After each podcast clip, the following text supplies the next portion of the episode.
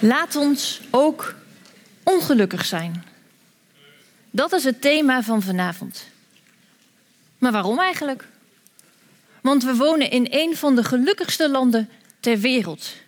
In de geluksindex staan we geloof ik op plaats 6, net achter landen als Finland en Denemarken. Dus ja, waarom zouden we ongelukkiger moeten zijn dan we zijn? Of zijn we eigenlijk helemaal niet zo gelukkig? En wat is geluk eigenlijk?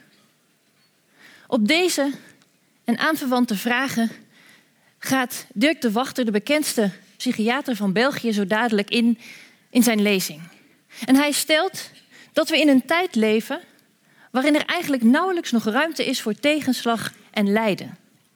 En juist dat maakt ons ongelukkig. U heeft heel even op hem moeten wachten, hij stond in de file, maar ik ben heel blij dat hij nu hier is. Dirk de Wachter, ik zei het al, de bekendste psychiater van België. Uh, hij is verbonden aan de KU Leuven en heeft daarnaast zijn eigen psychiatrische uh, praktijk.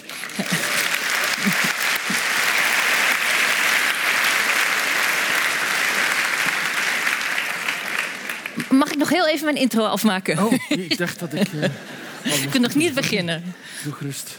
Um, wat wilde ik nog meer zeggen? Vooral dat het programma van vanavond heel simpel is. Namelijk eerst een lezing van meneer De Wachter die ongeveer 40 minuten duurt. Dan is hier een presenter. Ik ga even doorklikken, dan kunt u het zelf ook zien. Precies. Ga ik hem kort interviewen en natuurlijk is er ook uh, ruimte voor uw eigen vragen. We zijn dus een kwartiertje uitgelopen. Dat wil zeggen dat we ook een kwartiertje achterin het programma uitlopen. Dus tot kwart over negen duurt de avond. Mocht u een trein moeten halen of een bus, dan kunt u gewoon vertrekken uh, wanneer, dat, uh, wanneer dat nodig is. Um, ik wens u een inspirerende, of misschien moet ik vanavond zeggen een hele leuke. Ik wens u een hele uh, leuke avond. Dirk de Wachter.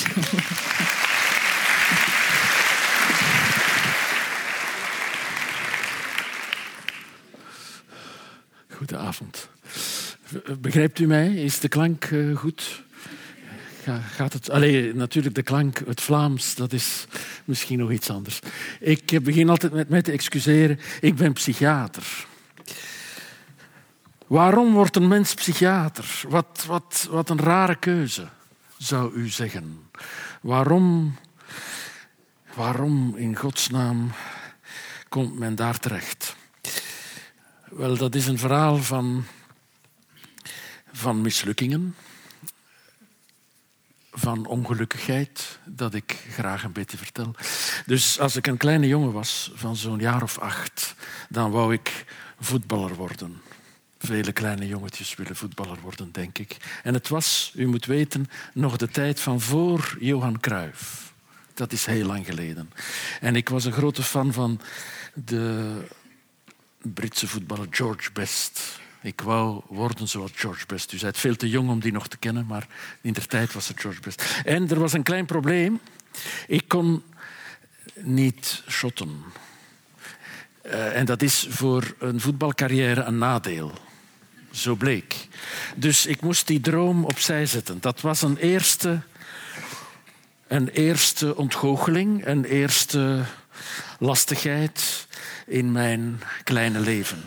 En ik werd wat groter en dan wou ik. Ik wou zanger worden. Ik wou eigenlijk uh, op het podium staan met een gitaar. Uh, dat was de tijd van Boudewijn de Groot en, en zo. En, en, en van de Doors en zo. Ik dacht, dat is ook fantastisch eigenlijk. Dat wil ik doen. Maar er was een probleem. Ik had geen muzikaal talent. En dat is voor een muzikale carrière een nadeel. Dus ik heb die droom opzij gezet. En toen ik een jaar of, dat was ik een jaar of twaalf zo, toen ik een jaar of zestien was, dacht ik, nu heb ik het gevonden. Ik wil kunstenaar worden. Want het toeval wou dat ik heel goed kon tekenen, maar werkelijk heel goed. En ik ging naar de tekenacademie. Ben 16 jaar, was nogal jong, de meesten waren ouder. En ik kom daar en de leraar was in de jaren 70, de tijd van de conceptuele kunst. En de leraar tekenen, was een heel bijzondere ervaring, die pakte mij zo heel erg vast, helemaal zo. En die zei, stop nu toch eens met zo mooi te tekenen. Kunst heeft niks te maken met mooi tekenen. Daar stond ik dan. Weer niks. Ontgoocheld droop ik af. En ik dacht, wat moet ik met mijn leven? En mijn moeder, zaliger.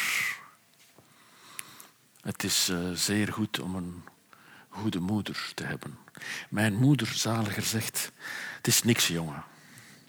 Als je niks kunt, ga dan maar gewoon studeren. En dat was een wijze raad, die ik overigens ook aan mijn kinderen heb gegeven. En dan, ben ik, dan dacht ik, wat is nu het langste dat je kunt studeren? Ik ben een beetje gaan zoeken zo. En dan heb ik geneeskunde gedaan. Ik heb neurologie gedaan. En psychiatrie en psychotherapie. Ik ben gepromoveerd in Amsterdam, overigens. Ik ben eigenlijk nog maar net afgestudeerd. En zo ben ik dus psychiater geworden. Ik vertel dit verhaaltje een beetje omdat het een verhaal is natuurlijk van verlies, verdriet, mislukking, lastigheid, ontgoocheling, ambetantigheid, die mij gebracht heeft in het mooiste beroep dat er bestaat eigenlijk. Namelijk het luisteren naar het leven van mensen. Dat is eigenlijk, ik had 40 minuten om te spreken, maar ik zou het hierbij kunnen houden. Ik spreek meestal tussen de drie minuten en de drie dagen. Dit was de drie minuten. Wat de boodschap, het idee is dat het ongelukkig zijn, het lastig, het moeilijke, niet het leven in de weg mag staan. Ja? Nu, er zijn grotere ongelukkigheden dan wat ik natuurlijk heb meegemaakt. Maar het is toch maar een voorbeeld van hoe kan het verdriet de weg wijzen. Wat is nu het probleem van onze maatschappij? Dit is de versie van 13 minuten. Het probleem van onze maatschappij dat is dat ze te veel in de westerse wereld, de westerse wereld, daar heb ik het over. In het binnenland van Afghanistan zijn andere problemen, die overigens op een bepaalde manier veel ernstiger zijn. En toch lijkt het hier ook soms dwarsig en lastig te lopen. Om die reden die ik hier ga noemen. Wij zetten in de westerse wereld ongelooflijk in op gelukkig zijn als een soort van ultiem doel van het bestaan. We wensen elkaar ook geluk en alles is geluk en overal geluk. En dat, denk ik, veroorzaakt veel miserie. Dat is mijn stelling daarin. Omdat we zo obsessioneel bezig zijn met dat geluk. En, dat is een tweede probleem, dat we dat geluk eigenlijk zien als een product van de NV-ik. Ja? Het autonome, ikkige zelf maakt het geluk. Dat is de illusie van deze heel individualistische samenleving. Je bent verantwoordelijk voor uw geluk en uw lot en wat er allemaal gaat gebeuren. Ja, de meritocratie is dat. Ja? Dat autonome ik moet het maken. Want dat geluk wordt ook in deze gemediatiseerde maatschappij heel erg gezien als succes. En dat succes wordt ook heel materieel gemeten. Dat wordt gemeten aan de lengte van uw auto of de diepte van uw zwembad. Dat soort zaken. Ja? Dat is het geluk. En dat is denk ik een illusie. Ja? Dat is een eerste punt. Dus het geluk dat gezien wordt als iets maakbaar en als iets dat we ikkig alleen doen, lijkt mij verkeerd. Tweede punt dat is dat het gewone geluk niet voldoende is. Want daar zou ik nog mee kunnen leven. Als mensen zeggen ik ben gelukkig, dan kan ik daar wel tegen. Maar als ze zeggen ik ben heel gelukkig, vind ik dat zeer irritant.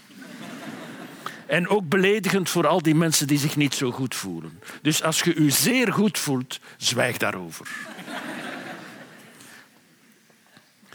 Het is niet gewoon geluk, het is fantastisch geluk. De grens wordt ook altijd gelegd, het moet, eh, verlegd, het moet altijd straffer. Nog meer, nog verder reizen naar de Cayman-eilanden, nog verder. Op den duur kom je gewoon terug natuurlijk.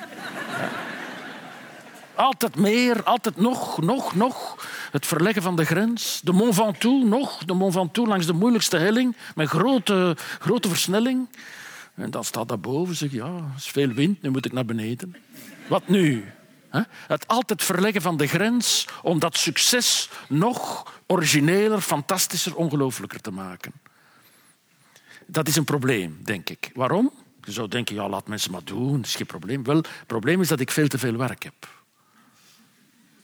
Omdat er in dit aardse leven, nu moet ik iets zeggen dat lastig is. Meestal word ik één keer gevraagd om te spreken. Maar het aardse leven is af en toe moeilijk. En dan heb je nog chance. Maar af en toe is het leven een beetje lastig, een beetje moeilijk. Er is een tegenslag, iets dat niet lukt, een droom die niet uitkomt, uw kinderen die niet echt doen wat je gewenst had, uw lief dat ambetant doet, uw baas die ambetant doet. Er, er zijn lastigheden in het leven. En in een maatschappij die de illusie creëert dat alles altijd fantastisch moet zijn, hebben de lastigheden geen plaats. Dat is mijn stelling. En de lastigheden die kunnen niet op Facebook. Wordt gedefriend. Instagram. Geen leuke plaatjes. Gedefriend. De lastigheden komen bij de psychiater. De lastigheden worden ziek genoemd. Ongelukkigheid wordt gepsychiatriseerd. De redenering, ik weet niet, ik zeg, ik geef ze mee voor wat ze waard is. U mag er iets over denken. U mag ook van alles anders denken. Dat is goed. Het is goed niet om zomaar te denken wat ik denk, maar om van alles te denken dat, dat hier naar aanleiding van komt. Dat is eigenlijk de bedoeling. Maar dus die lastigheden die komen bij mij en ik heb veel te veel werk. En niet alleen bij mij, maar bij heel de geestelijke gezondheidszorg. Overal wachtlijsten. Het lijkt alsof deze maatschappij, die het, eigenlijk, die het ons heel goed maakt, waarin we goed kunnen leven, alsof deze maatschappij tegelijkertijd heel veel ongelukkigheid genereert, heel veel ziekte maakt. Het boek van de psychiatrische ziekte, de DSM, dat was toen ik assistent was zo dik. En nu is dat dubbel zo dik. Het aantal diagnoses neemt altijd toe. Altijd maar meer nummers. Dat is raar. Op den duur gaan we zelfhulpgroep, een zelfhulpgroep moeten maken van mensen die geen nummer hebben. Die komen samen die zeggen, wij hebben zo niks. Wat is er toch met ons? Maar zij gaan dan natuurlijk zich ongelukkig voelen en dan kunnen aansluiten bij de depressiegroepen. Want dan, dat is een heel raar, raar mechanisme, maar de depressiegroepen die vinden elkaar opnieuw op Facebook. Ja? Onder de diagnose ziekte, onder de diagnose lastigheid, miserie, hebben we dan terug weer groepen die elkaar vinden. Op zijn eigen is dat goed, maar ik ben nogal een voorstander om een heel brede invulling van de normaliteit te hebben in het sociale weefsel. Dus het afsplitsen van mensen omwille van het feit dat ze een beetje ongelukkig zijn, of een beetje stil zijn, of een beetje druk zijn, of een beetje dit of dat zijn, vind ik geen goed idee. De psychiatrie werkt daar erg aan mee natuurlijk. Hè. We komen eh, ergens in een consultatie en eerst moeten lange vragenlijsten invullen, allerlei vragenlijsten. En die worden in de computer gescand en dan komt er een nummer uit. Dat nummer is altijd 301.83. Borderline personality disorder, altijd juist. En dan komt je in een zorgpad. En dan moet, dat zorgpad moet werken, want als het zorgpad niet werkt, dan, dan gaat het niet. Geen terugbetaling meer. Terwijl ik vind, het is dan juist dat we er moeten zijn, als het niet gaat. Hoe kunnen we, dat is dan, wat is nu de oplossing voor dit probleem? Dat is het een beetje ongelukkig zijn. Dat is raar. Hè? Wat moet een Vlaming, wat zegt, wat zegt die man nu toch allemaal? Maar ik denk dat de kunst van het leven, het, het klinkt onnozel hoor, maar de kunst van het leven is het een beetje ongelukkig kunnen zijn. Gelukkig zijn is niet moeilijk. Je neemt een bongobon, je hebt er nog liggen. En met die bongobon ga je naar de Cayman-eilanden. Je zet je daar op het strand, er is een zwembad, er is allemaal met een hek afgesloten, want de lokale bevolking mag daar niet komen. En dan zit je daar in een bubbelbad te borrelen. Geluk. Na een tijdje borrelen wordt uw vel zo helemaal rimpelig. Geluk. En als je nog langer borrelt, worden uw hersenen weekdieren. Mensen vermosselen met het geluk. Natuurlijk, ik geef zo van die voorbeelden om het een beetje duidelijk te maken. Ik moet daar een beetje mee opletten. Ik, ik deed deze uitspraak enkele maanden geleden in Antwerpen. Ik woon in Antwerpen. En nadien komt er zo'n dame naar mij. Die mevrouw zegt, professor. Ik dacht, oei. Het was heel interessant. Ik dacht, oei, oei. Maar, zegt die dame, ik verkoop bubbelbaden. ja. Ik moet, ik moet echt opletten wat ik zeg. Dus, dus nu zeg ik van kijk, bubbelbaden is zeer aangenaam. Als u dat nog niet hebt, u, u vanavond uh, tikt u in bubbelbad.nl.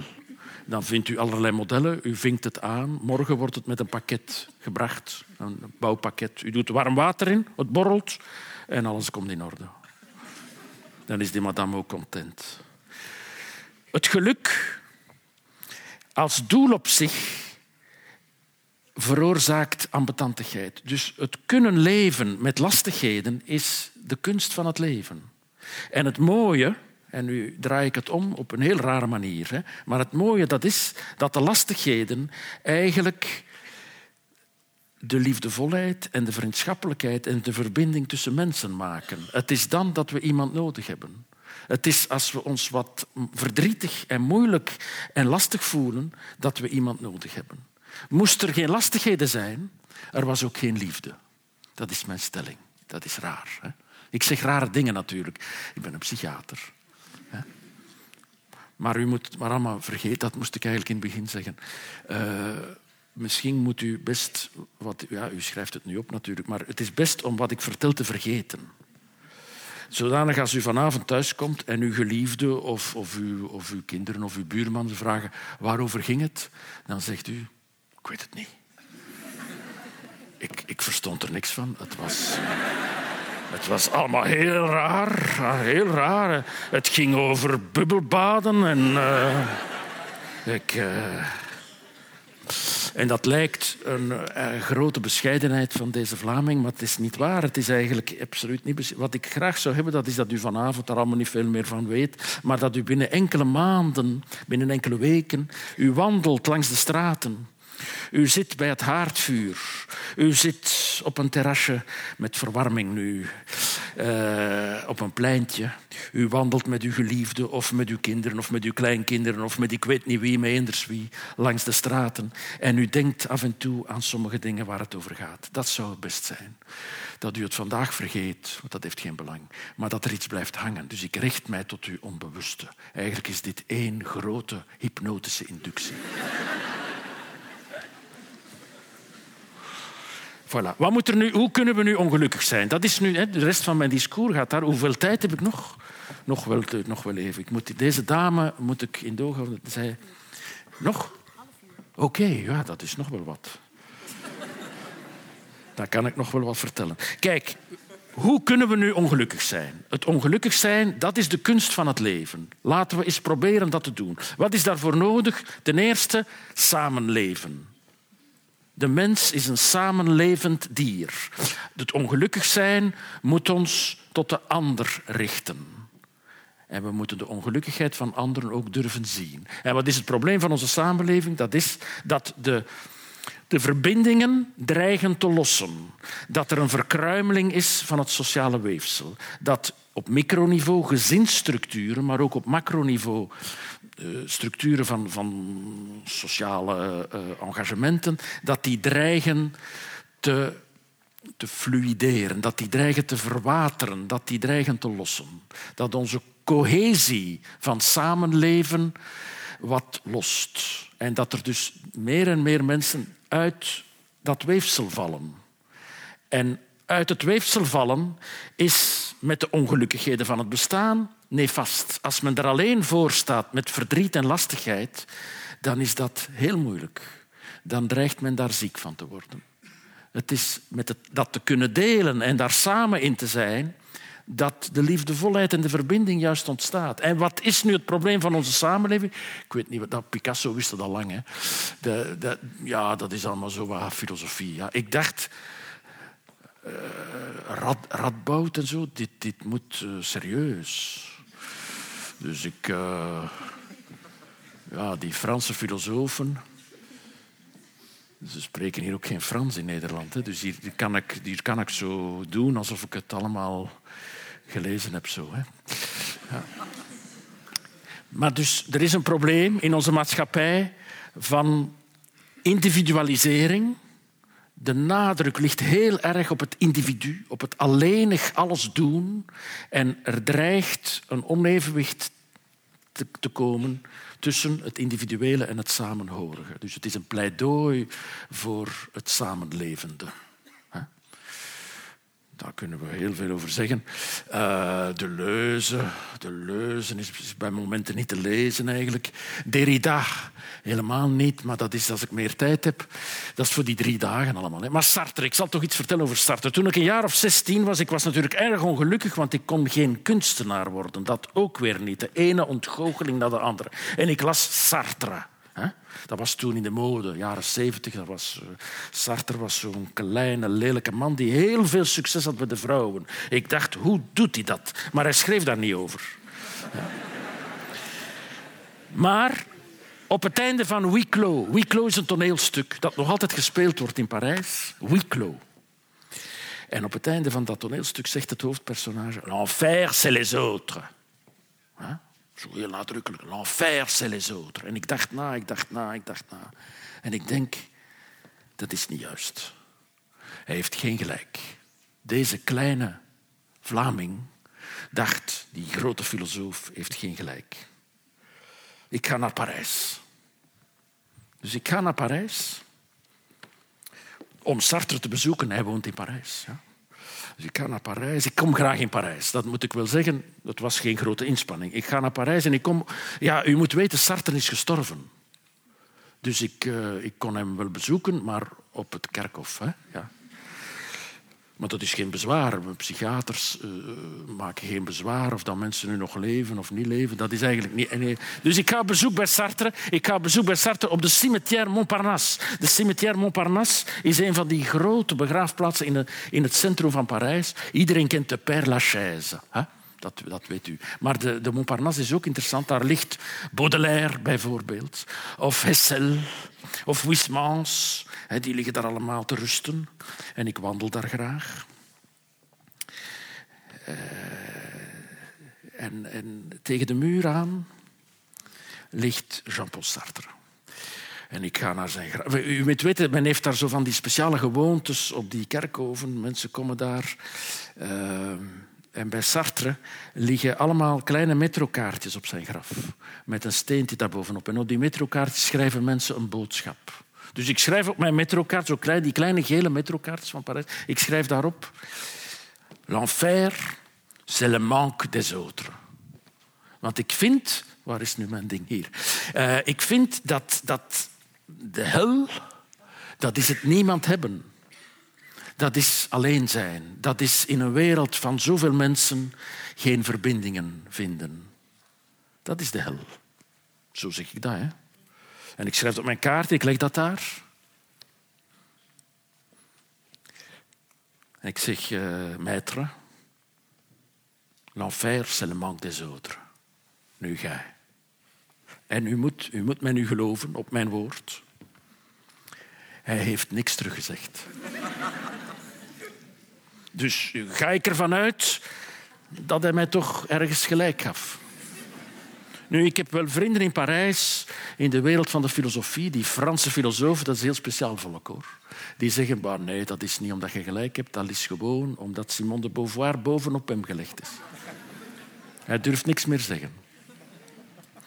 Ik weet het niet. Maar ik vind dus dat de hel het ontbreken van verbinding is. En het lastige is dat er heel veel mensen, daar is heel veel onderzoek naar, heel veel sociologisch onderzoek, heel veel mensen in deze eigenlijk in C, materieel en, en voor de rest een wereld met veel kansen en veel mogelijkheden, is dat heel raar dat zoveel mensen zich alleen voelt en ongelukkig voelt en eenzaam voelt. Dat is een groot probleem. Dat is een groot probleem omdat de ongelukkigheid die eigen is aan het bestaan, dan niet kan gedeeld worden. En als ze niet kan gedeeld worden, dan slikt ze zich in en dan wordt ze ziekte.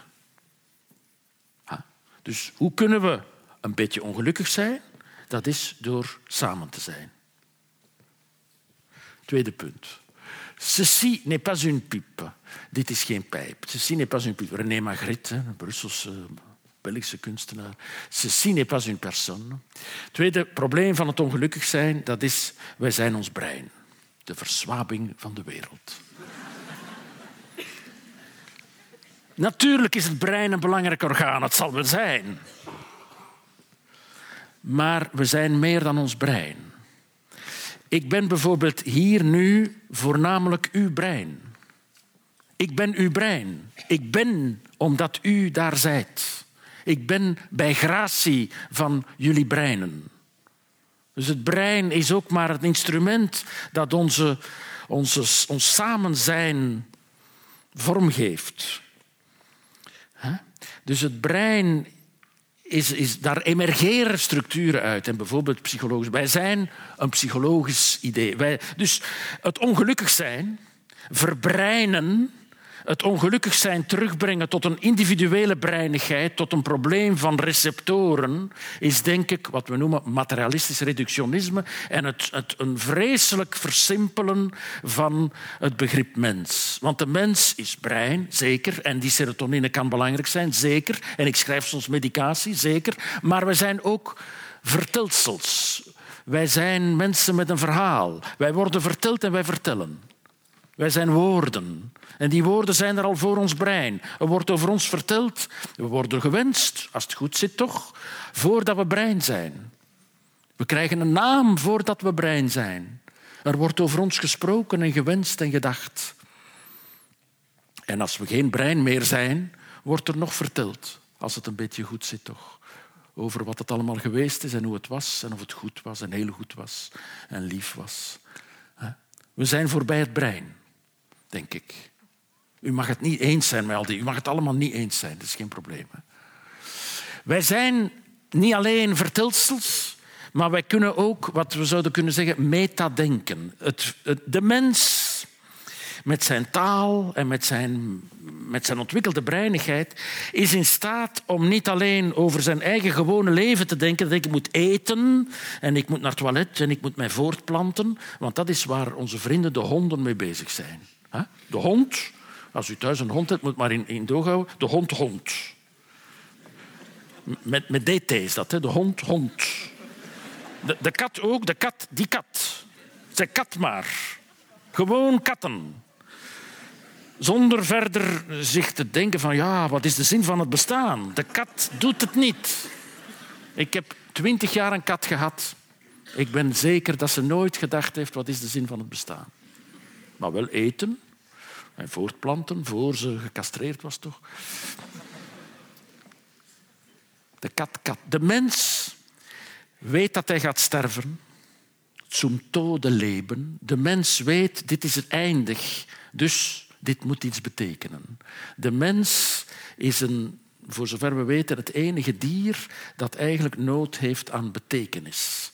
En dat is ook mijn punt. Mijn punt is dat het doel van het leven niet zit in het gelukkig zijn, maar zit in het zinvol zijn. En het zinvol zijn heeft te maken met zorgzaam zijn voor anderen. Denk ik. En het mooie, dat is dat men daar ook gelukkig van wordt. Maar dat is eigenlijk maar een bijwerking. Dat is geen doel aan zich. Als we het geluk als doel nemen, van dat moet en dat zal, dat loopt niet goed af. Als we de zinvolheid als doel nemen, dat loopt altijd goed af. We moeten het niet, niet mee eens zijn. Hè. Dat is, uh... er is nog een vakje daarboven. Boven, dat is bij de kat helemaal niet uh, zo speciaal ontwikkeld. Bij de hond ook niet. Bij de regenworm zeker niet. Dat is het vakje waarvan man niet spreken kan. Dat is nog wel belangrijk, omdat de westerse wereld zo vast zit in het idee dat alles moet geweten worden, alles moet, moet bekend worden, alles moet gemaakt en begrepen worden. Wij willen met ons doorgeschoten verlichtingsdenken alles rationaliseren en begrijpen en doen. En er is veel van de mens dat een mysterie is, volgens mij. Hè? Ik denk dat er daar iets is waarvan man niet spreken kan. Iets dat we niet kunnen begrijpen. Dat het mysterie mens voor de eeuwigheid zo zal blijven. Er zijn wetenschappers, ook uit mijn domein, die zeggen dat is niet waar. Naarmate de wetenschap vordert, gaan we op den duur bijna alles weten.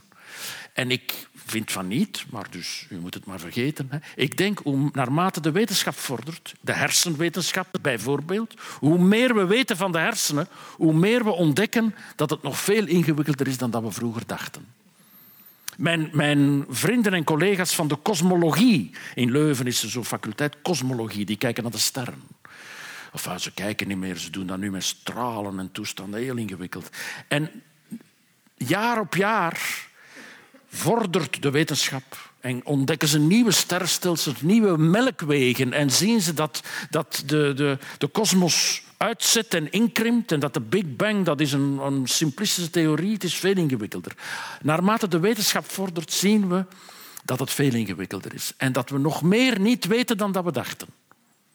Maar dat is voor de westerse mens heel moeilijk. De mens, eh, wij willen alles weten en alles regelen. En we willen in onze eigen illusoire goddelijkheid ook alles maken naar onze, naar onze wensen. En het kunnen, ook in het ongelukkig zijn, het kunnen in een soort aanvaarding. En dat bedoel ik natuurlijk geen passieve noodlottigheid die leidt tot een nihilisme, maar kunnen, kunnen ergens de noodlottigheid van het bestaan toch kunnen plaatsen. Zeggen van ja, waarom? mensen vragen mij dat en ik begrijp dat ook. Waarom, dokter? Waarom moest mij dat overkomen? Ja, ik weet dat niet. Ik heb daar geen verklaring. Daar is ook geen verklaring voor. Waarom moest ik ziek worden? Waarom moest mijn zoon dit of dat? Waarom moest mijn vader dit of dat? Heel veel weet ik niet. Echt niet. En naarmate ik dus langer psychiater ben, en meer ervaring heb in dit, in dit vak, begin ik meer te beseffen dat ik nog minder weet dan dat ik in het begin dacht. En dat is ook niet erg.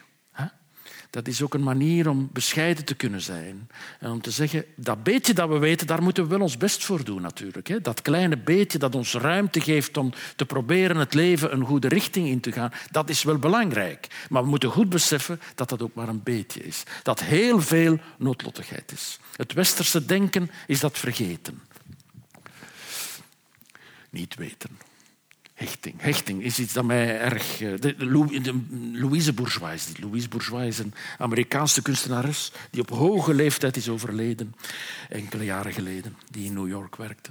Heeft een van de belangrijkste vrouwelijke kunstenaars van de 20e eeuw. Eh, voilà, Louise Bourgeois. Ze heeft een vaste collectie in de Tate Modern. Als u morgen naar de Tate Modern gaat, kan u gaan kijken naar Louise Bourgeois. Dit staat er ook. Hechting is een, een heel groot... De mens heeft nood aan hechting. De mens is een, uh, een zoogdier dat meer dan eenders welk ander dier, ook nog meer dan de kat en de hond, nood heeft aan gehechtheid. Ik leg dat uit. Als de, het mensenkind geboren wordt, het wordt geboren, dan is dat hulpeloos. Dat kindje heeft anderen nodig om te zijn. En dat is niet alleen eten en drinken, maar ook koestering. Een kind dat niet gekoesterd wordt, gaat dood. En dat komt omdat wij, ja, we hebben zo'n grote kop dat we veel te vroeg geboren worden, anders kunnen we niet meer uit. En, en dan hebben wij nog de baarmoederlijkheid, de wombing, de baarmoed, de koestering nodig gedurende vele dagen en weken en maanden en jaren. En eigenlijk denk ik, u mag het niet mee eens zijn, ik denk heel ons leven. Ik denk dat we nog heel ons leven eigenlijk baarmoederlijkheid nastreven. Dat we heel ons leven nog nood hebben aan, aan koestering en aan vastgepakt worden. Dat zijn we in de westerse wereld ook zo wat vergeten. We denken dat we genoeg contact hebben door te sms'en. Alles oké, alles oké. Ja, maar elkaar vastpakken. Je kunt met een sms elkaar niet vastpakken. Wij hebben een groot probleem met lichamelijkheid in het Westen, denk ik. Ja? Hoe kunnen we elkaar meer vastpakken? En dan zegt men, is dat hier ook? Me too, is dat hier ook? Wij, hebben me, wij hebben. Dan zeggen ze, wat durf je allemaal zeggen in tijden van MeToo? Ik zeg, ja, maar ja, natuurlijk. Het is juist als we elkaar een beetje meer zouden leren vastpakken en elkaar op een deftige en niet gedwongen en op een respectvolle en liefdevolle manier wat meer zouden vastpakken. Het zou wat minder doorschieten in allerlei gedwongen, lastige toestanden. Veel MeToo daders, om dat woord nu zo extreem te gebruiken, zijn mensen met hechtingsproblemen, denk ik. Dus ik denk dat onze maatschappij moet nadenken over menselijk contact ook als vel voelen. Vel voelen. Hoeveel tijd heb ik nog? Dan kan ik nog even een verhaal vertellen. Ik, eh, toch even, ik werk aan de universiteit. Wij moeten wetenschap uh, bedrijven. Dus ik geef dan een voorbeeld van een wetenschappelijk onderzoek. Het onderzoek met het hondje. Kent u het onderzoek met het hondje? Nee, nee. Dan vertel ik het voor u. Dus u, u, uh, het is nog relatief mooi weer, dus u kan het nog doen een van de volgende dagen. Maar u uh, schaft zich een klein harig hondje aan. Als u thuis geen hebt, dan vraagt u bij familie. En als dat ook niet, dan gaat u naar het dierenasiel en u vraagt, alsjeblieft, krijg ik geen klein harig hondje. Ze hebben dat daar. Ja? En ze geven u dat mee en aan de leiband gaat u wandelen langs de straten van Nijmegen vast parcours in de namiddag met een beetje zonneschijn. En u wandelt met het kleine, harige hondje. expert. Dit, dit is universitair. En u wandelt, u wandelt. En u zal zien, dat is de nulhypothese. Dit is echt nu, dit is een opleiding in wetenschap. De nulhypothese, dat is, men gaat u aanspreken.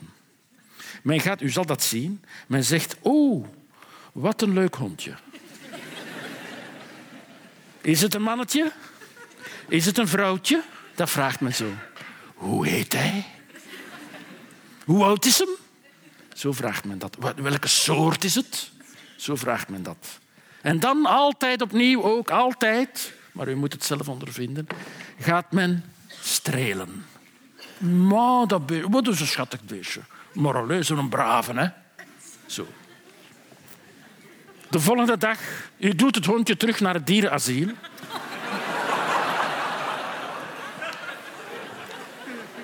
maar, ja, maar experimenten, dat is, dat is ook niet... En u, de volgende dag maakt u dezelfde wandeling. Door dezelfde, heel belangrijk, hetzelfde uur. De, de, de wetenschappelijke kaders moeten strikt zijn. Zelfde uur, dezelfde straten, dezelfde schoenen. En u wandelt. Zonder hondje. U zal zien, niemand spreekt u aan. Niemand spreekt u aan. Niemand vraagt, wat is uw naam? Welke soort bent u? Hoe oud bent u? Bent u een mannetje of een vrouwtje? Niemand vraagt iets. Niemand vraagt. U wandelt, u wandelt en niemand spreekt u aan. Laat staan dat iemand u zou strelen. We zouden het niet overleven. Er is een probleem in onze maatschappij met contact. Het is toch heel raar dat we hondjes nodig hebben om elkaar aan te spreken. Dat is raar. Dat is met dat haar, denk ik. Ik, weet ik heb het natuurlijk.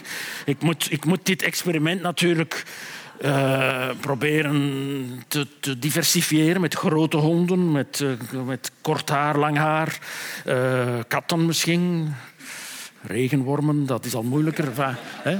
Voor de wetenschap moet dit natuurlijk nog verder uitgebreid worden. Maar u ziet de redenering. Wij mensen hebben heel veel nood aan elkaar te hechten. En we doen dat niet. We zitten ieders in onze studio, alleen, apart, met een diepvriesmaaltijd op de schoot en met een laptop en met veel vrienden op Facebook die we niet zien. Dat is mijn stelling. En we hebben nood aan die hechting. Dat is eigen aan de mens. Oké, we gaan verder. Woorden, taal, taal. Dit is, dit, dit is uh, Hopper, a, hotel room in New York. Hopper is de schilder van de eenzaamheid. De schilder van, van, van de miserie ook. Er is een probleem als we ongelukkig willen zijn op een succesvolle manier. Hè? U zet een beetje mee. Als dat, als dat goed mag, dan moeten we daarover spreken. En we spreken niet gemakkelijk over lastigheid. We spreken over plezantigheid en leukigheid. Dat mag, geen probleem. Maar lastigheid slikken we in. Lastigheid wordt alleen besproken bij de psychiater. En dan nog Ik zie mensen op mijn consultatie die heel depressief zijn. Als ik vraag wat is er aan de hand, dan zeggen ze: Laat mij gerust, geef mij een pil. En zwijg. Terwijl het spreken, de taal, heel wezenlijk is om verbinding te maken, om, om verdriet, zo druk ik dat uit, te verbinden en te zwachtelen. Verdriet kan daarom niet weggenomen worden. Verdriet, kijk, als een van uw, van uw geliefden wegvalt, sterft, of heel ziek is of zo, ja, dan kunnen we toch niet zeggen dat dat niet erg is of dat dat niet... Dat is heel erg, ja. Dus we kunnen dat verdriet niet wegnemen. Het is ook niet goed om dat weg te nemen. We moeten dat verdriet spreken. We moeten dat verdriet, verdriet luisteren. We moeten dat verdriet op een of andere manier met woorden omzwachtelen. Zodanig dat het, dat het ergens toch een beetje kan, kan gedragen worden. Zo. Dat het zo wat kan gedragen worden. Dat het niet helemaal overal alles overrompelend blijft. En daarvoor zijn woorden nodig, denk ik. En wat is het probleem? Dat is dat we in een cultuur leven die heel erg inzet op het beeld. Dat we uh, bij een moeilijk bericht een smiley sturen. Geen probleem, stuur gerust een smiley. Hè? Ik ben niet tegen smileys, maar dat is voor verdriet nu net iets te weinig, zo'n smiley. Dus als je een sms stuurt, hoe is het, hoe is het? Zo, doet men dat met de duimen. Hoe, hoe is het, hoe is het? Dat, eh, hoe is het antwoord, hoe. Dus geen dt-fouten in de sms-taal. Hoe. Dat, dat, is, dat zegt niks. Hè? Terwijl als je, als je afspreekt, waar spreken we af? Op het terras, op de hoek, met verwarming. En je spreekt af op de hoek en je zet u en uw vriendin of uw vriend of uw kennis of ik weet niet wat komt en zegt, hoe is het? En zij of hij zegt, goed. En de tranen wellen op in haar of zijn ogen. Dan zegt hij, oei, het is precies niet goed. Wat is het, joh? Wil je er iets over vertellen? Drink eerst iets. Het is niet goed. Ik pak u een beetje vast, joh. Voor verdriet moeten we elkaar zien. En het rare is dat die nieuwe media, die zo ongelooflijk veel mogelijkheden bieden om contact te maken. We kunnen contact maken met iedereen over heel de wereld. En, en online, direct. Uh, dat is, het is een fantastische uitvinding. Ik vind dat zelf ook heerlijk. Maar soms dreigt er een soort paradox doordat we zoveel verbindingen kunnen maken online zijn we afgeschermd, letterlijk afgeschermd, van het directe menselijk contact. En verdriet heeft volgens mij dat directe menselijke contact nodig. Dat spreken in het echt, elkaar in de ogen kijken, de face en face, zegt Levinas. Hoe kunnen we de blik van de ander vatten? Dat kan... Je kunt dat zeggen, ja, maar met, met, met uh, hoe heet het? Uh, WhatsApp WhatsApp is er zoiets. Is dat, ja, dat, dat toch ook zien in de ogen? Ja, maar nee, je moet elkaar in het echt zien, denk ik. Je kunt elkaar, voor zover dat ik weet, via Facebook nog niet vastpakken.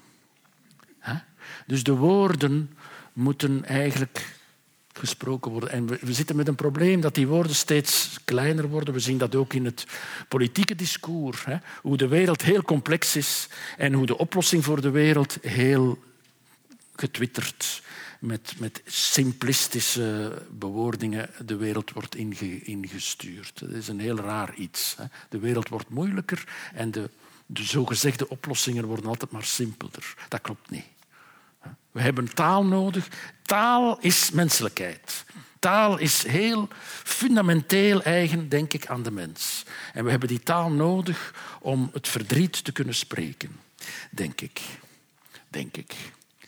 We gaan voort, we moeten onze tijd. Existentie, ja, ja, ja. Malevich. Ja, hier, dat is toch straf. Dit schilderij dateert van het begin van de 20e eeuw.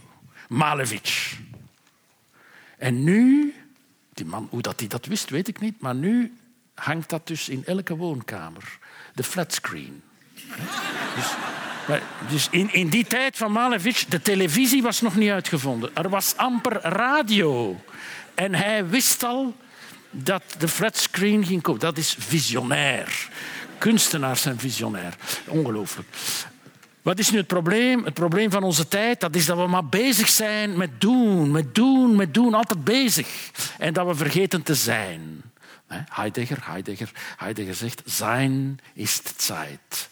We moeten tijd hebben om te zijn. En we, we, we surfen over het zijn heen in een soort zijnsvergessenheid, die een soort zinsvergessenheid ook is. Als we niet kunnen achterover zitten, een schritt terug nemen en eventjes bedachtzaam nadenken, wat is er aan de hand? Wat is dat hier eigenlijk? Dat doen we altijd maar doordrammen. Met onze kinderen gaan we woensdag namiddag met de monovolumewagen van de balletles naar de voetbal. En van de voetbal naar de tekenles. En van de tekenles naar de mindfulness. En van de mindfulness naar de cursus Chinees. Want uh, we zijn allemaal hoogbegaafd, Chinees. En, en naar dit en dat om niks te missen. En we missen het zijn zelf. Dus zeg ik aan de jonge ouders zeg ik altijd, wat is het belangrijkste in de opvoeding? Verveling. Niet gemakkelijk, want er is altijd zoveel te doen. En als er eventjes niks te doen is, dan is er een iPhone of een iPad of een i alles. En daar zitten allemaal bloepende dingen die u animeren. En ik denk dat het goed is voor het menselijk brein om eens een keer niks input te krijgen en vanzelf wat na te denken wat dat er zo komt, vanzelf zo. Dus verveling is eigenlijk, u moet dat allemaal vergeten, want dat gaat dat vanavond verteld aan uw, uh, aan, uw, aan uw kinderen of uw ouders. Dat, dat gaat niet goed aflopen. Moet er niet meer komen eigenlijk. Dus er is veel te weinig fundamenteel denken. Er is altijd ook aan de universiteit, ook aan de universiteit is een heel functioneel, direct gericht op het snel publiceren, het vlugge resultaten. Uh, en dat, is, dat, dat mag ook. Hè? Ik ben niet tegen aan zich, maar dat alleen dat is, wij vergeten eigenlijk de, het fundamentele. Wat is de wereld? Wat is het goede leven? Wat, wat, wat is een samenleving? Dat wordt vergeten, denk ik. Existentie. Heb ik ja, ja, dan nog iets. Ja, Heidegger. Heidegger is een filosoof waar ik nogal wat van gelezen heb. Onder andere onder invloed van mijn goede, goede vriend Sam IJsseling. Die, dat zeg ik nu graag, die professor fenomenologie was in Leuven, maar die afkomstig was van Nijmegen. Dat vind ik nog wel mooi om te zeggen eigenlijk. Sam IJsseling. En uh, Sam die is gedoctoreerd bij Heidegger, heeft me daar veel over geleerd. En Heidegger in Holzwegen, Holzwegen is een van die latere werken van Heidegger, waar hij wandelt door de bossen en denkt. En daarin zegt hij, een van de meest wezenlijke dingen van het bestaan, zegt Heidegger, is het wachten. Het zonder verwachting kunnen wachten, het wachten. Nu, dat vond ik natuurlijk wel bijzonder, omdat mijn naam de wachter is. Ik dacht altijd, ik heb maar een heel banale, doodgewone naam. Nee, nee. Dat is het meest wezenlijke van het leven. Dat vond ik van Heidegger wel goed gezegd. Ik was nog niet geboren. Dat hij dat zo kon voorzien. Dat was bijna zo straf als Malevich met zijn flatscreen. Stilte. Laatste punt. Dan blijf ik binnen de tijd. Vijf minuten. Perfect. Stilte. Broadway Boogie Woogie van Piet Mondriaan. U allen bekend, Piet Mondriaan. Dit, dit schilderij stond op de ezel van zijn, uh, van zijn atelier in Manhattan. Hij was uh, toen in Manhattan. En uh, dat was zijn laatste werk. Of dat af is, zullen we nooit weten. Maar hij had dus heel zijn, zijn concept omgedraaid. Hè. Dus hij heeft die, die monochrome vlakken en die zwarte lijnen. En hier draait hij dat om. En uh, je ziet daar zo dat stratenpatroon van Manhattan met uh, de yellow caps die daar rijden, in de file staan. En de stoplichten van die yellow caps en de, en de, de flatgebouwen daartussen. Dat, wij leven in heel luidruchtige tijden. Overal is prikkeling, overal is lawaai. En lawaai niet alleen geluid, maar ook wel visuele prikkeling. En overal is prikkeling. Ons neurologisch systeem wordt heel erg geattaqueerd. Wij worden heel erg overrompeld in dit bestaan. En we moeten leren daar ja, op een of andere manier stilte in te weven. Zo druk ik dat uit. En de stilte is dus niet alleen de afwezigheid van geluid, maar het op een of andere manier kunnen onttrekken aan de, aan de dwingende prikkeling. Dat heeft natuurlijk te maken met die gelassenheid en dat wachten. Hoe kunnen we zijn, zijn, fundamenteel existeren, zijn, zonder dat het altijd moet van alles te doen zijn. Dat is niet makkelijk. Ja. En dat kan niet opgelost worden, mijns inziens, door uh, een of ander uh, duur, meestal duur, gecoacht wellness weekend in een of ander uh, resort, waar dat je dan in het weekend heel stil bent. En dan mediteren, om dan de maandag de raad van bestuur te kunnen uh, met veel energie en opgeladen batterijen kunnen zeggen dat er zoveel mensen ontslagen worden.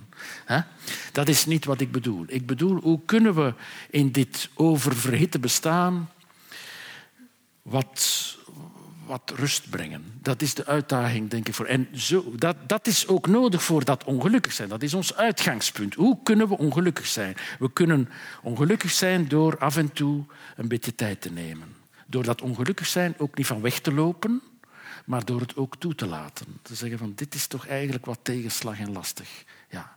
En er samen over spreken. En het niet alleen verbreinen. En het gehecht doen. En tijd voornemen. En stil leren zijn. Achterover zitten. En wachten. Dat is heel moeilijk. Het is heel moeilijk om iemand, iemand die verdrietig is, om te kunnen zeggen wat is er aan de hand en dan een beetje tijd toe te laten. Te zeggen van ja maar, doe maar op het gemakske. Het is heel moeilijk. Heel moeilijk ook in mijn beroep. Hè? Want wij moeten altijd maar resultaat hebben op korte termijn. Is het nog niet beter? Zeggen, nee, we hebben nog tijd nodig. Want dat was heel erg. Sommige dingen die mensen meemaken is heel erg en heeft veel tijd nodig. En die tijd is er niet, want we moeten resultaat hebben. Resultaten zijn, het is heel raar wat ik zeg hoor, resultaten zijn soms nefast voor goede zorg. Het is heel raar. Hè? Vergeet, vergeet dat maar, hè? maar. Maar denk eraan, binnen enkele maanden, als u dus door het park wandelt, met uw geliefde. Ja, dat zeg ik dan. Daarna kwam zo'n madame en die zegt, ik heb geen geliefde. En je zegt door het... Ik zeg, ja, maar dan, dan moet toch een vriendin, een buurvrouw. Ik heb zo niemand. Zeg, ga naar het asiel en koop een klein harig hondje. Ga wandelen en iedereen spreekt u aan. Er is heel wat wetenschappelijk onderzoek die bewijst dat onderzoek over bejaarde mensen met een hondje hebben zij ten eerste ze moeten buiten, ze hebben beweging, ze komen, ze komen in de wereld, ze worden aangesproken. Het is, het, is ook empirisch goed. Hè? Maar goed, dat, is nu niet het belangrijkste. Het belangrijkste is dat we elkaar nodig hebben. Ik ben aan mijn tijd, denk ik. Ja, ik ga nog eventjes toch iets zeggen over het kleine goede, omdat dat de essentie is van het bestaan. La petite bonté, dat is van de Franse filosoof Levinas. Levinas is een heel moeilijke filosoof. Als je dat leest, daar is niks van te verstaan eigenlijk. Maar heel interessant. La petite bonté, de kleine goedheid. De kleine goedheid. Wacht, waar heb ik nu? Ik vergeet altijd die dingen hier. Ja, eerst. Voilà, zo. La petite bonté. Levinas, Franse filosoof, uh, totalité infinie, bij Heidegger nog gestudeerd, Husserl en Heidegger, maar dan zijn eigen filosofie gemaakt, de filosofie van de blik van de ander. De kleine goedheid voltrekt zich van de een naar de ander en streeft ernaar mensen afzonderlijk tot hun recht te laten komen. Mensen tot hun recht te laten. Dat is erg belangrijk in, in het menselijk contact, maar ook in de hulpverlening. Hoe kunnen we mensen, noodlijdende mensen, tot hun recht laten komen? En de Levinasiaanse ethiek betekent dat, dat de hulpvragende mens uit de hoge komt. Hij komt uit een hoge. Ik kijk op naar deze mensen en ik zeg, wat kan ik voor u doen? Daar waar heel veel hulpverlening, en ook nog altijd in onze tijd, neerbuigend dreigt te zijn. Wat is er aan de hand? Och, garme toch. Mijn manneke toch, het gaat niet zeker. Hè? Ik ben groot en sterk. Ik zal zeggen wat je moet doen. Ik weet het. Jij weet het niet. Och, garme maar. Hè? Verkleutering, verkleining, ontwaarding, van de hulpvragende mens. Daar waar we bewonderend en respectvol en in zijn kracht zettend zouden moeten aanwezig kunnen zijn. Makkelijker gezegd dan gedaan, maar dat is eigenlijk wat we moeten, waar we moeten naar streven. Dat is wat we in de psychiatrie ook de herstelbeweging noemen, die, die heel voorzichtig tot stand eh, komt. Daarvoor zijn individuele gewetens nodig die tot in hun affectiviteit gevoelig en kwetsbaar zijn voor het leed van de ander.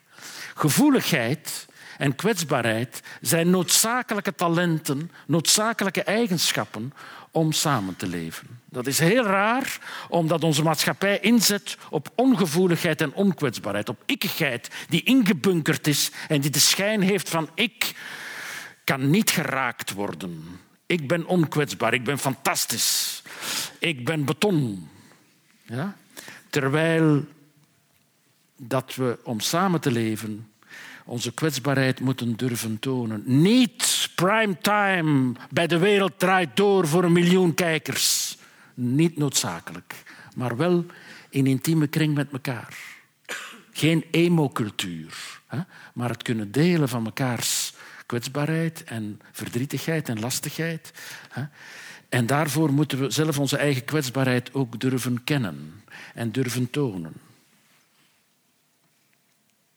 De adjectief klein in de kleine goedheid is betekenisvol en wijst op het concrete en het bescheiden karakter van deze goedheid. Het gaat om een goedheid die zich in heel concrete omstandigheden voltrekt. Van de ene mens tegenover de andere mens.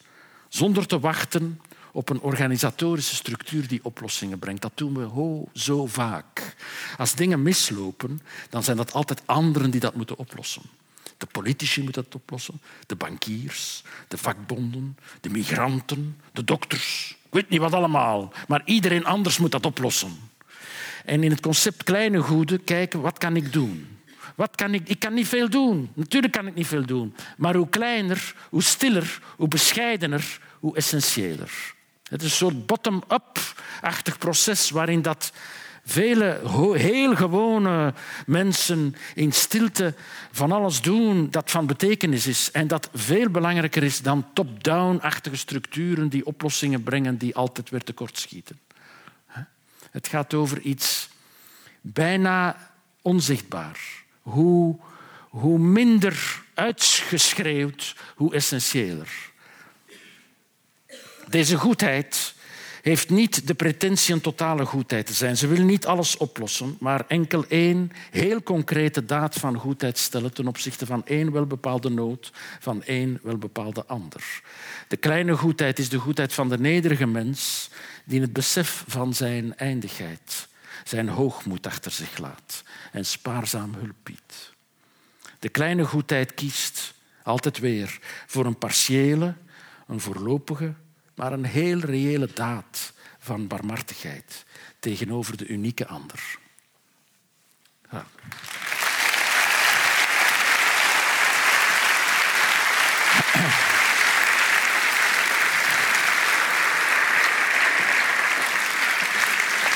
Je mag uh, daar gaan zitten als je wilt. Ja.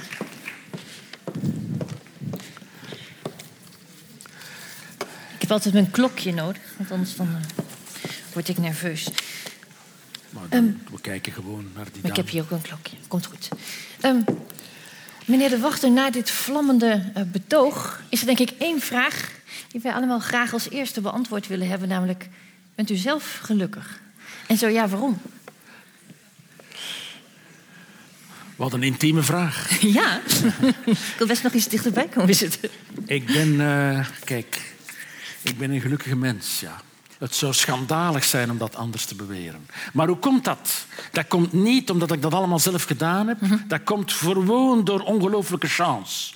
Ik ben geboren in een land waar geen oorlog was. Dat is toch wel chance, want in vele landen is wel oorlog. Maar ik werd geboren en, en er was ik keek rond en er was geen oorlog. Ik dacht van dat is nu wel goed eigenlijk. Er is hier geen oorlog. Er sterven geen kinderen langs de straat. Er was ook geen epidemie van ik weet niet wat allemaal waardoor mensen sterven. En als weeskinderen werden weggedragen in, in, in anonieme asielen en zo. Nee, ik, uh, ik had chance. Voilà. En daarna dus bleek ik, dan had ik een beetje minder chance. Ik kon niet shotten, ik kon van alles niet. Ik kon eigenlijk niks. Maar ik had voldoende hersenweefsel om te studeren. Ja. En ik kon dus het mooiste beroep doen dat er bestaat. En dat is chance ook. Hè. Ik heb natuurlijk wel gestudeerd. Ik moest mijn best wel een beetje doen, want zo slim was ik nu ook weer niet. Maar ik had toch wel de chance dat dat allemaal ging. Hè.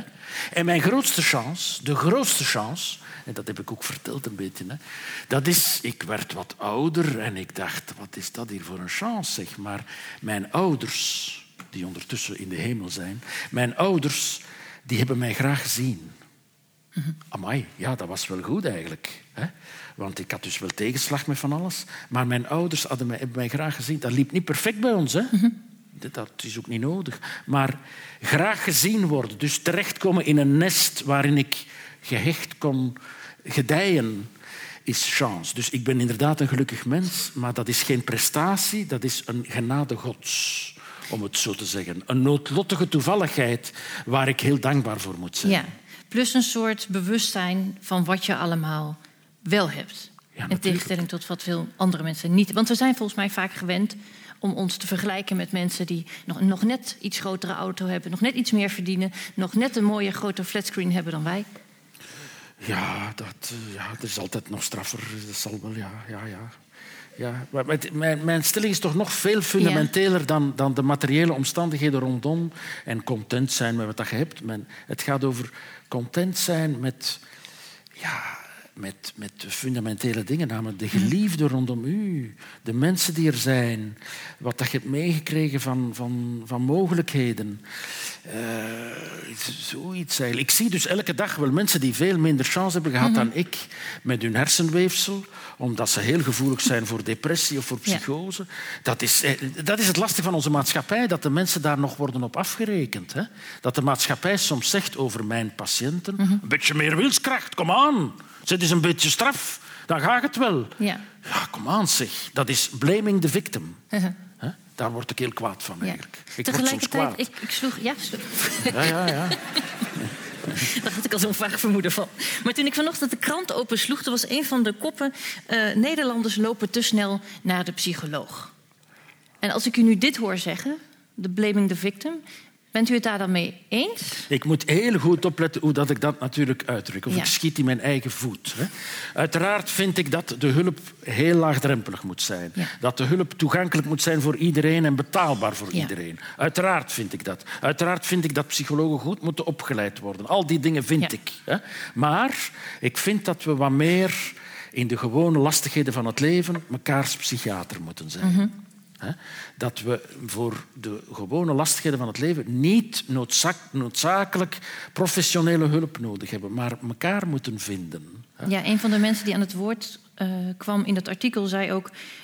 er komen nu heel veel mensen met problemen bij een psycholoog of psychiater... die in feite zingevingsvragen zijn... en die vroeger besproken werden in verenigingen, in de kerk. In ehm, de kerk hele ook, ja. Dat is natuurlijk ook een van mijn stellingen. Dat is dat de secularisering van de maatschappij ons heeft opgezadeld met een soort zinsvraag die niet meer door de pastoor of de dominee wordt beantwoord. Mhm. We moeten daar zelf over nadenken. Is het goed of slecht? Dat is niet goed of slecht, maar dat is een uitdaging. Ja. Dat is iets interessants. Hè? Nadenken over de zin is interessant. Maar veel mensen beginnen maar na te denken over de zin bij groot verdriet of tegenslag. Hè? Ze maken iets erg mee en zeggen ze, Ja. dokter, waarom is dit? Ja, daar hadden we tevoren ook al moeten over nadenken. Hè. Waarom zijn we hier? Wat is er? Ik ben nogal een voorstander om filosofisch te redeneren vanaf je hele jonge leeftijd. Filosoferen met kleuters is fantastisch eigenlijk. Ja, ja, als onkel Theo overleden is en dan met zo'n klein gasten van vijf jaar samen zitten en zeggen waar is onkel Theo nu? Die, wat dat die zeggen, dat is fantastisch. Dat, dat denken Ja. wij niet aan. In de hemel en zo vanuit. Wat de hemel, waar is de hemel? Ah, de hemel is boven. Nee, nee, de hemel is beneden, zegt een zo- dat is heel interessant. Ja. Dus ik, ik vind dat we meer moeten openstaan voor mekaars lastigheid en daar ook van jongs af aan leren over spreken, woorden over hanteren. Maar dus ik moet heel voorzichtig zijn want als ik nu zeg, als, als een minister zegt van ah, dus we moeten voor elkaar zorgen en we schaffen dus al die therapeuten af. Ja, dat is natuurlijk niet de bedoeling. Hè. Er is, ik weet niet hoe het hier zit, maar er is een veel te klein budget voor geestelijke gezondheidszorg in de Belgische Mhm. Ja. gezondheidszorg. Hè. Dat is schandalig eigenlijk. Maar, dus het is een genuanceerd antwoord. Ja, ja. want het wordt ook opgenomen. Hè. Ik moet zien wat ik zeg. Precies. Ja. Maar stuurt, u zelf wel eens mensen weg bijvoorbeeld... omdat u zegt, nou ja, dit is niet ernstig genoeg voor... eh, Nee, voor zeker niet Nee. op die manier. Natuurlijk niet. Natuurlijk.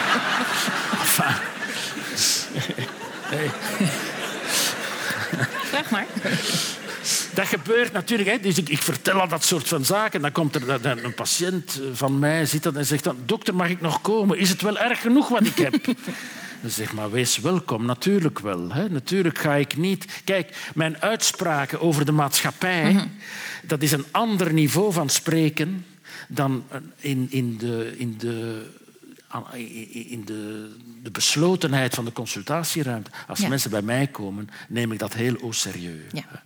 En natuurlijk ga ik soms zeggen van, goh, ik denk eigenlijk dat je het wel kunt. Hè? Mhm. niet, dat je niet moet komen, maar dat je eigenlijk wel sterk genoeg zit. Ik denk dat het wel gaat.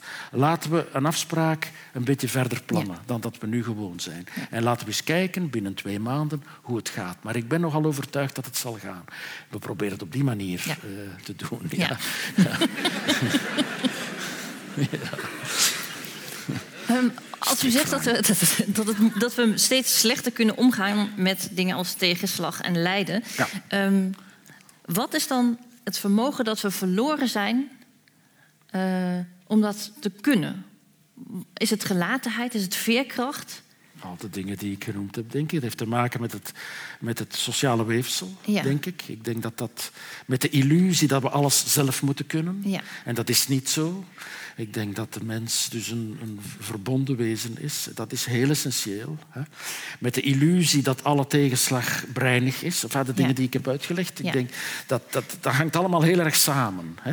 En ook, dus mijn, mijn kernbegrip, dat is dat we zo nodig denken dat we altijd fantastisch gelukkig moeten zijn. Ja. Dat kan niet. Dus Nee. de idee van een beetje lastig moment is het leven, dat is normaal, dat kan geen kwaad, je komt daar wel voorbij, spreek erover, laat het wat passeren.